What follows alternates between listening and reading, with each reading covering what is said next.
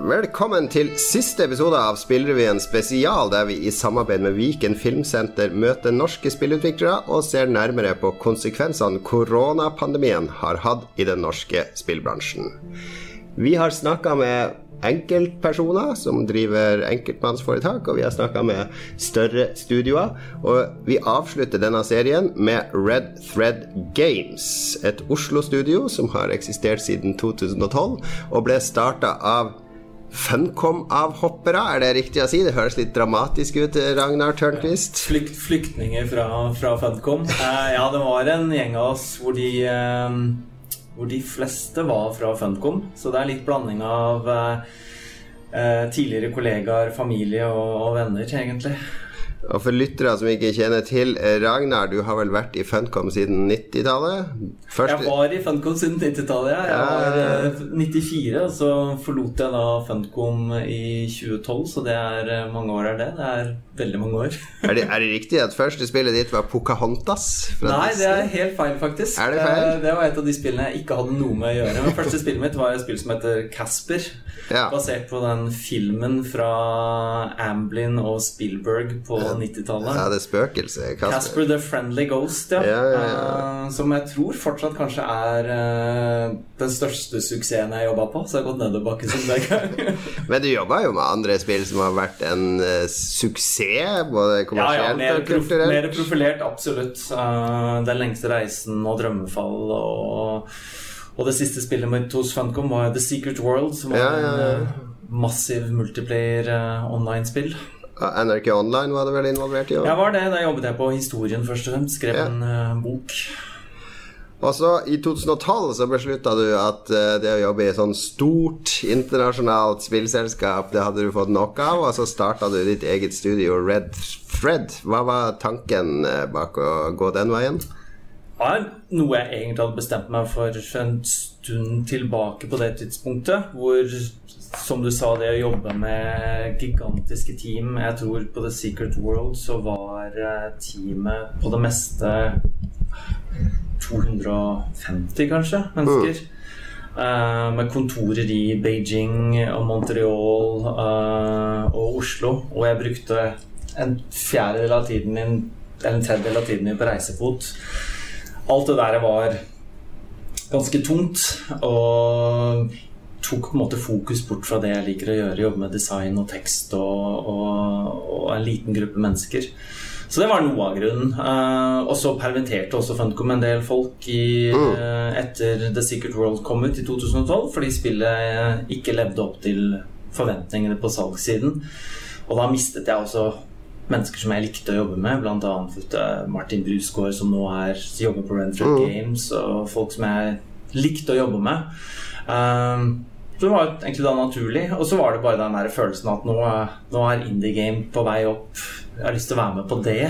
Ja, for det var midt i oppturen her eh, for indiespill, der man kunne være en liten aktør og gjøre det stort. Det var det. Det var på en måte da det starta med hvor Steam var på en måte for full Steam, på en måte. Eh, det var, markedet var annerledes i 2012 2012-2013 også, hvor det var mulig å på en måte starte et indie-selskap og ha en, ha en, suksess både på Kickstarter, som vi gikk til, og på Steam, da, som ikke hadde så mange spill som det har i dag. Så det, det føltes riktig. Jeg tror situasjonen er annerledes nå.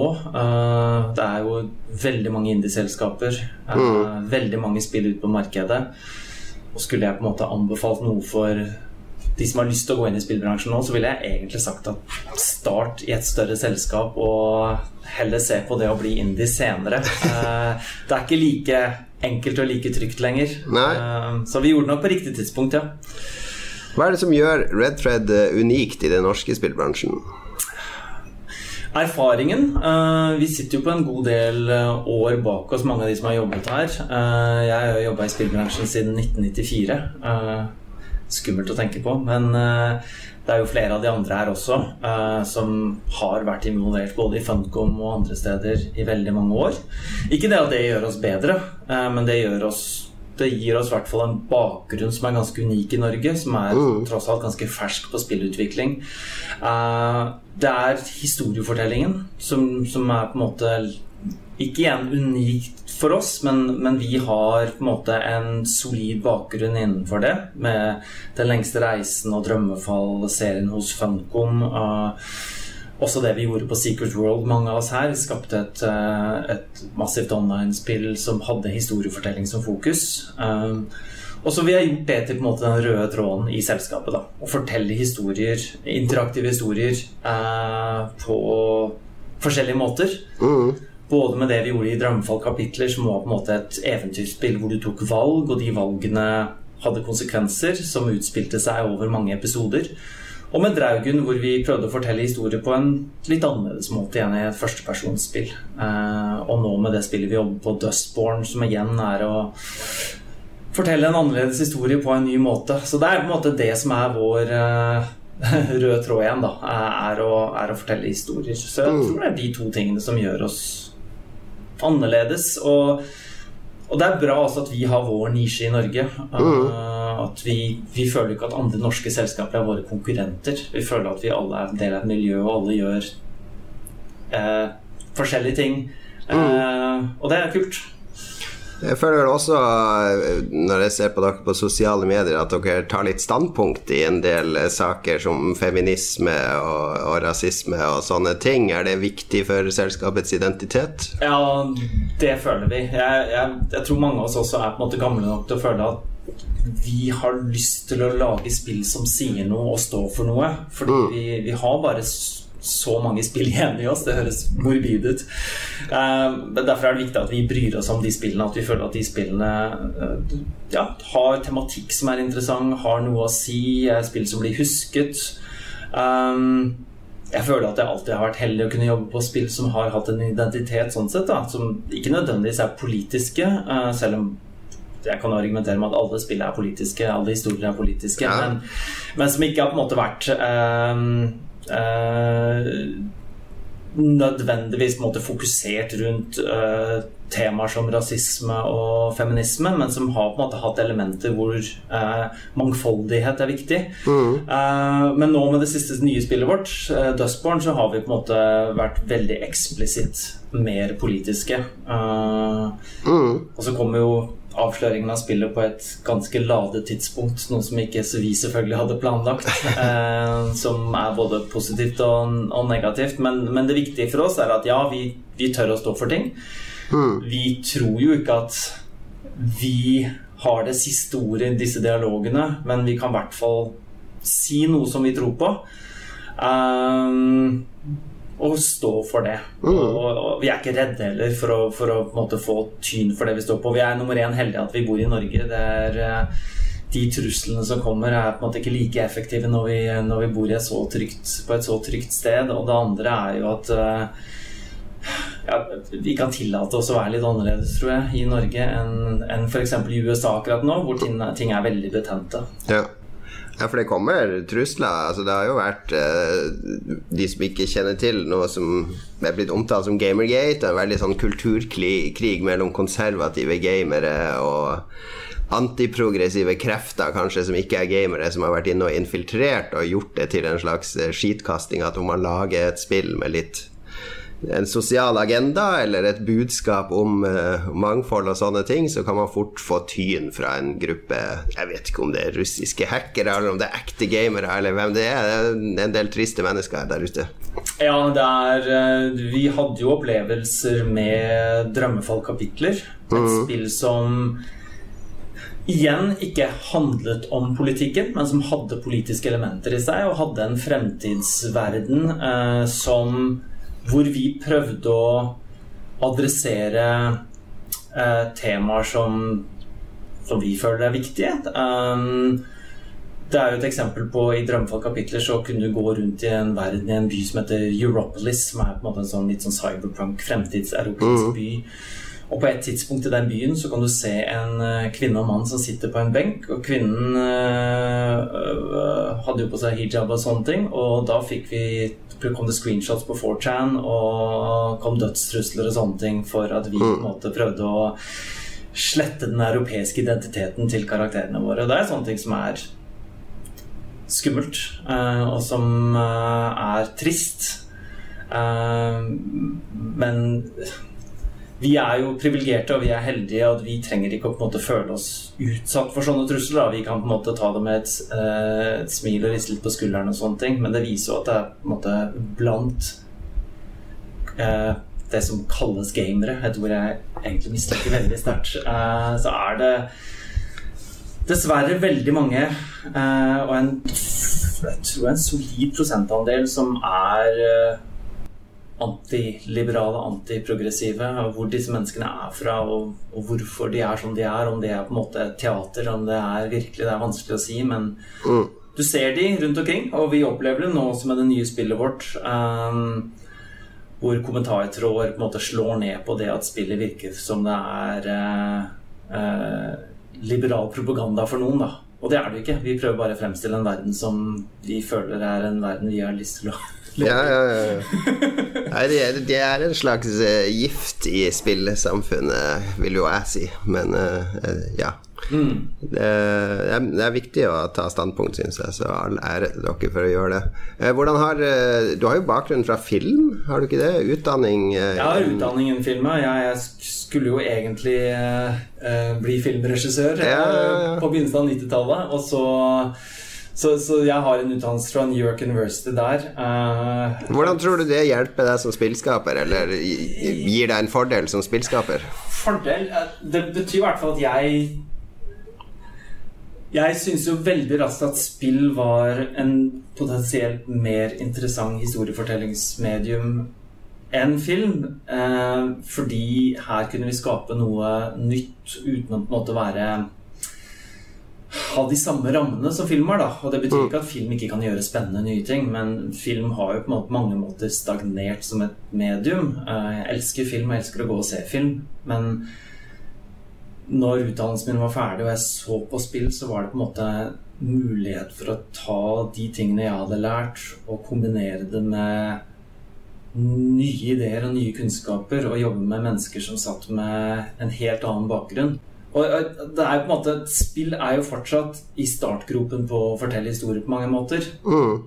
Eh, selv om det også er utallige eksempler på spillhistorier som er helt fantastiske, og som har grepet meg like mye som mange av de beste, beste, filmene, så er det jo fortsatt et medium hvor mye historiefortelling er forholdsvis primitiv. Uh, og det å komme fra film kan jo være pluss, det kan også være minus. Mm. Da på en måte belager deg veldig på filmfortellingsteknikker, da, som f.eks. å bruke uh, ja, filmsekvenser i spillene, det vi kaller cinematics eller cutscenes, mm. da, og, og, fokusere mye på det. Um, og det er ting man kanskje da må jobbe for å holde seg unna. Mm. Og det har vært litt mål med de siste to spillene våre. Jeg tror 'Drømmefall-kapitlet' var et spill som var forholdsvis tradisjonell på historiefortelling, bortsett fra veldig mye valg og konsekvenser. Mm. Hvor du kunne forme historien, så var det på en måte eh, filmsekvenser som ble kjørt i real time av spillmotoren, men som på en måte er iscenesatt som en film.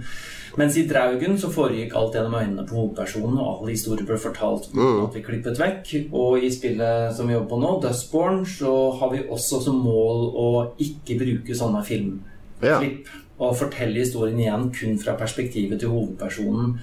Um, så vi, vi jeg, jeg, føler jo at måte, Ja, det Min bakgrunn i filmen, min utdannelse, ga meg noen teknikker på å, å fortelle historier og bruke mm. dialog og jobbe med skuespillere.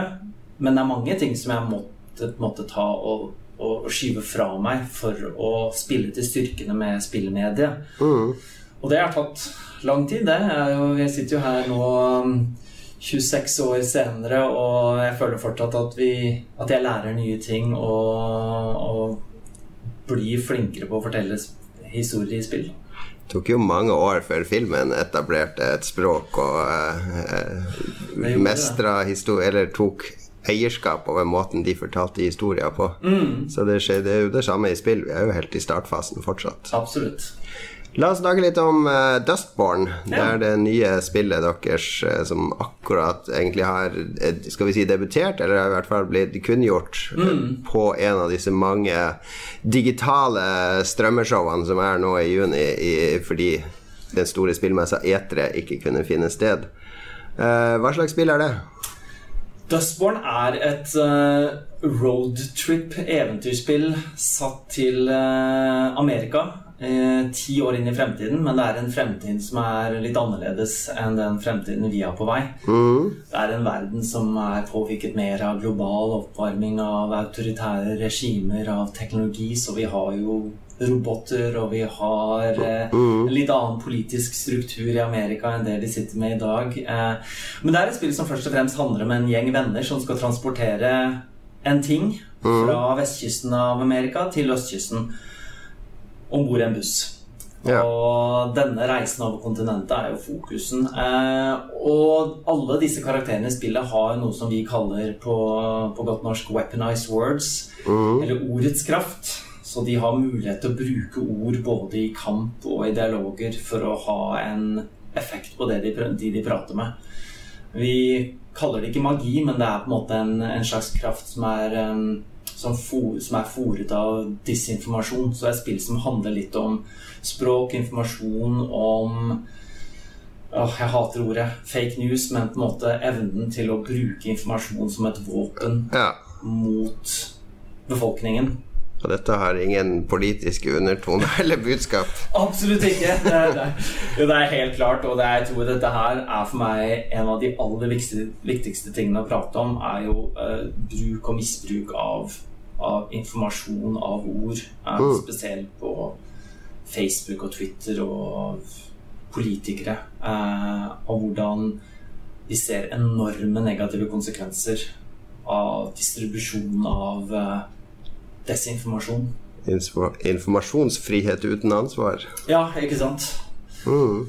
Eh, når var første gang du skjønte at korona kom eh, til å påvirke selskapet ditt? Jeg tror vi først snakket om det i, eh, i januar, når det begynte å dykke opp i nyhetene. Men det, var, det er ikke sånn at vi var veldig langt foran alle andre. Vi mm. så det jo når det, utbruddene kom i Europa. Vi visste at det kom til å treffe oss. Men jeg tror alle her skjønte at selv om det kom til å påvirke oss direkte, med at vi på en måte ikke kunne være samlet lenger, så var vi nok heldige i at vi jobber i spillbransjen. Mm. Og så var vi dobbelt heldige ved at vi nettopp hadde fått eh, støtte fra Norsk Filminstitutt, mm. som vi fikk i februar. Så timingen, og det er forferdelig å si, var jo på en måte god for at noe sånt skulle skje da. Um, både å jobbe i den industrien vi jobber i, hvor arbeid gjøres på datamaskiner, mm. individuelle, hvor man kan sitte egentlig hvor som helst. Uh, og det andre at vi hadde penger i banken, og vi var ikke redde mm. for det som kom til å skje. Mm. Som praktisk så måtte alle begynne å jobbe hjemmefra da, eller? Det er riktig. Vi begynte faktisk før uh, det kom på en måte pålegg uh, på å gjøre det, fordi vi hadde frykt om at det var en person på teamet som hadde vært eksponert. Ja, ja. Så den personen uten å nevne navn, selvfølgelig, gikk hjem. Eh, jeg husker ikke helt datoen, men det var nok en uke før på en måte alle andre begynte å jobbe mm. hjemmefra. Og så tok vi og ba egentlig bare folk om å holde seg hjemme da, bare for å sørge for at hvis det mm. var uh, smitte her, så kunne vi i hvert fall minimalisere spredningen. Nå viste det at det var uh, Det var ikke noe smitte. Det er ingen her som har blitt uh, som vi vet om, hvert fall, som har blitt uh, direkte påvirket. Um, men det gjorde at vi allerede var, hadde hjemmekontor ja. når, uh, før alle andre begynte med det. Um, folk hadde mulighet til å ta med seg PC-en hjem, og vi hadde liksom godt etablert oss. da mm. um, Hvor mange ansatte er det snakk om her? Elleve ja. ansatte. Men vi har, det er tre av oss som har vært på kontoret her hele tiden. Eh, jeg mm. bor jo i, veldig nærme kontoret, og så er de to andre bor innen kort gangavstand. Mm. Og så hadde vi da minst fem meter avstand mellom oss, og alle de andre, eller de av oss som var igjen her, måtte hadde veldig lite kontakt med andre mennesker. Så vi bestemte oss det var, det var greit. Men ja. resten av teamet, da åtte andre, har da jobbet hjemmefra i tre måneder nå. Man mister jo gjerne mye når man ikke er fysisk sammen. Hvordan har det gått med kommunikasjon og planlegging og sånne ting? Ja, det er jo på en måte et kjempegodt spørsmål, og det har vært en Jeg har jo, for å være ærlig, har jo alltid vært imot hjemmekontor. Sånn, ja, vi har tillatt eh, i begrensede perioder for veldig spesifikke ting. Hvis folk sitter og jobber med noe som er på en måte veldig individuelt, eh, som de har lyst til å fokusere på, så er det greit. Men jeg føler at spillutvikling er et kollaborativt medium. Det er samarbeid som er i fokus, og det er en ting som er viktig for oss, er å kunne sette oss ned rundt et bord, spille spillet, sånn som du og jeg ser på nå. Eh, og gjøre det vi kaller reviews, da. Eh, mm. Som er på en måte en slags gjennomspilling hvor vi sitter og diskuterer det vi ser på. Det har vært helt umulig å få til. Fordi det er ingen eh, av disse Zoom eller Skype som, som takler å måte, streame spillet live til alle mm. som sitter og ser på det på en god måte. Um, så når det gjelder det å måte jobbe med oppgaver hjemme på maskinene sine, så har det gått veldig knirkefritt. Um, det er utrolig hvor produktive folk har vært, og vi har klart å mm. levere veldig mye. Jeg er kjempeimponert over uh, hvor fokusert alle har vært. Men det som har på en måte negativt påvirket oss, er jo evnen til å sitte og se på spillet og snakke om det vi har, og hva, hvordan vi skal gjøre det som er på skjermen, bedre.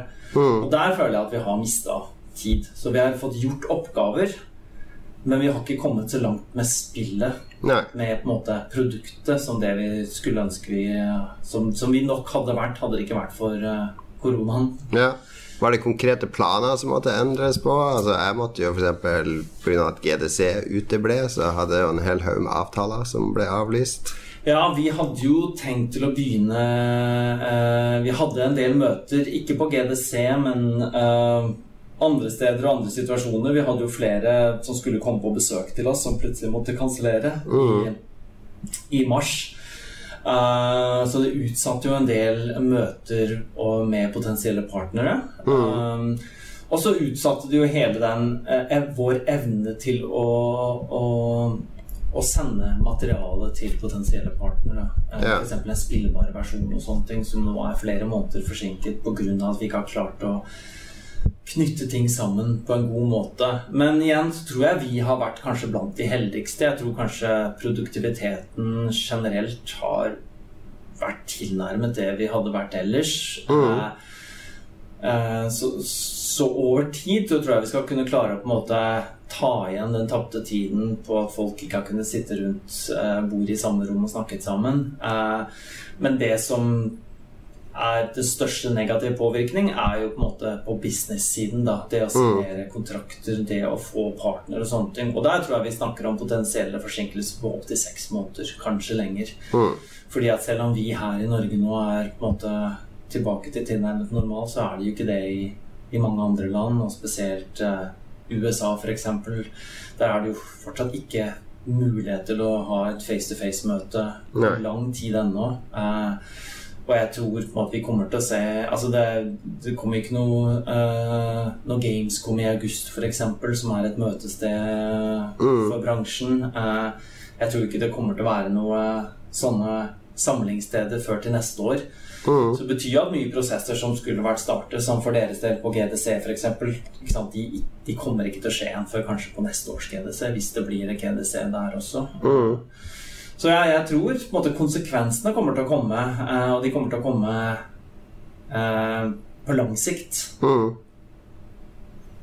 Du, er det noe sånn positivt du vil ta med deg fra denne perioden? Er du mer positivt innstilt til hjemmekontor nå?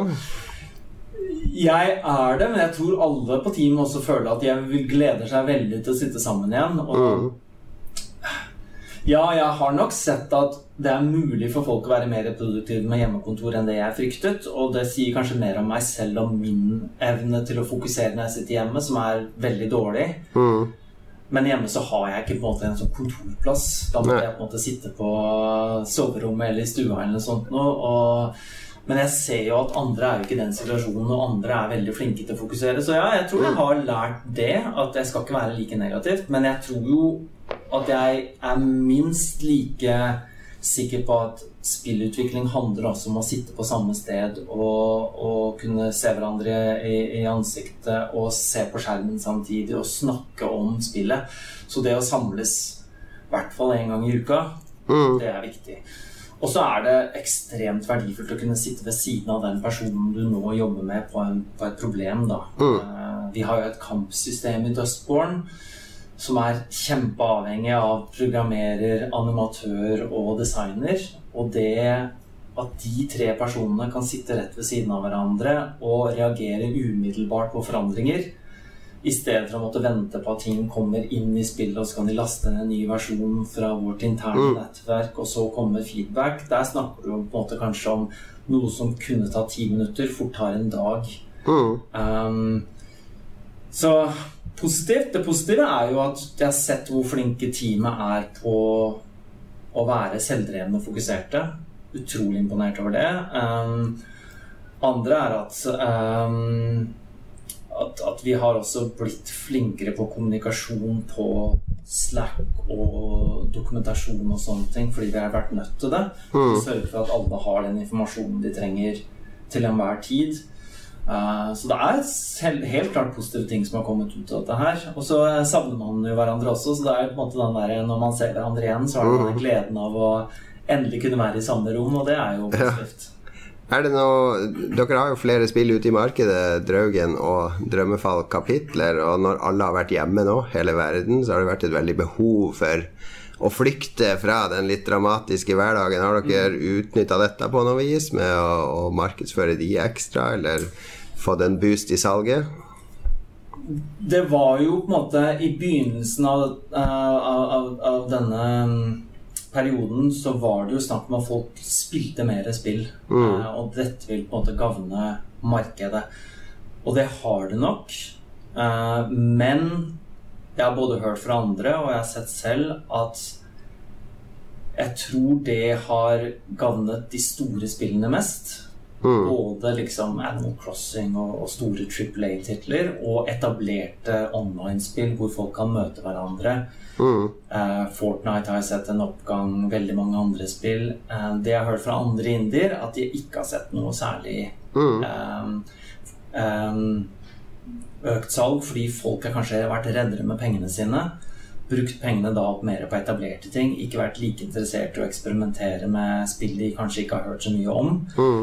Og tiden er igjen okkupert av liksom Animal Crossing og tilsvarende spill. Så vi har sett null oppgang i salg. Det har ikke vært noe forandring i det hele tatt. Um, altså Våre salg er ganske lave, egentlig. Sånn, mm. sånn, uh, så det er, det er, selvfølgelig vanskelig å, å, få et inntrykk av, av, uh, av et oppgang i salg. Um, vi har også sett at uh, folk kanskje er mindre interessert i nye spill også. Vi annonserte jo nettopp Dustborn, og nå uh, er jo ting litt annerledes enn det var for tre måneder siden. Og det har vært mye interesse for det, men, men jeg tror kanskje interessen ikke er tilsvarende det den ville vært uten mm. koronaen i normale tider. Så jeg, altså jeg tror spillbransjen generelt, spesielt for Nintendo og mange andre store, har, har dette vært eh, en positiv fase, men jeg tror kanskje for indie-delen av bransjen så har det vært enten nøytralt eller kanskje negativt. Ja. Litt om uh, Dustbarn og uh, Det var Future Games Show som var det, den, det streamen som dere fikk innpass i. Hvordan var prosessen med å komme med der i, i koronatider? For det er jo ofte noe man En lang prosess. Ja, vi er jo heldige at vi jobber jo med eh, PR-folk.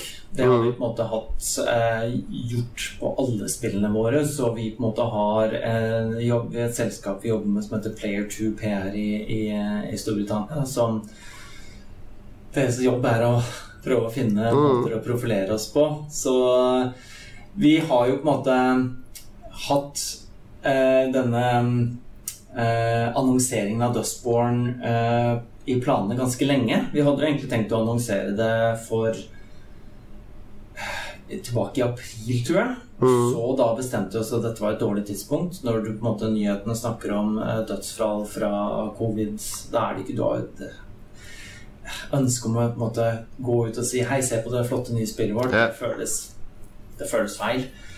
Og så skulle vi jo gjøre en annonsering i eh, litt tidligere, og da dukket jo opp uh, disse store demonstrasjonene i, i, mm. i, USA. Så da var det i hvert fall gærent tidspunkt å snakke med om. Så det har vært litt frem og tilbake en periode. Men dette var en mulighet som da våre PR-folk mm. kom med. Som sa at hei, hva om vi prøver å kontakte uh, Games Radar og, og, og, og sikte oss inn på dette showet? Um, jeg var litt skeptisk, for jeg følte at skal vi være en del av et show hvor veldig mange spill blir vist frem og profilert, og så var det jo en helg som var fullstappa av nye spill, både med PlayStation 5 og det som het Guerrilla Collective, yeah. som bl.a. Funcom var en del av.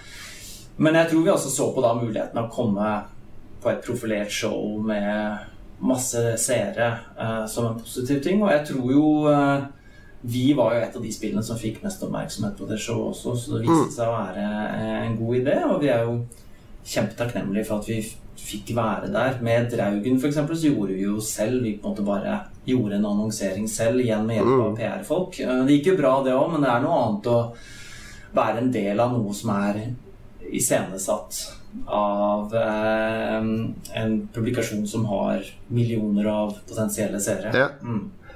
Vanligvis når man gjør sånn her, så er man jo på E3 eller mm. hvor det er i verden, og så sitter man i tre-fire dager etterpå på et lite rom mm. og har en strøm av journalister og influensere som kommer inn og skal se på spillet og intervjue. Mm. Hvordan har det vært i kjølvannet av en sånn digital presentasjon? Eh, blir det intervjua over eh, mail eller Skype, eller? Det er begge deler. Vi ser jo det nå. på en måte, Vi, vi gjorde jo noen intervjuer eh, på forhånd. Mm. Eh, både på Skype og på tekst, eh, som en del av en sånn pakke.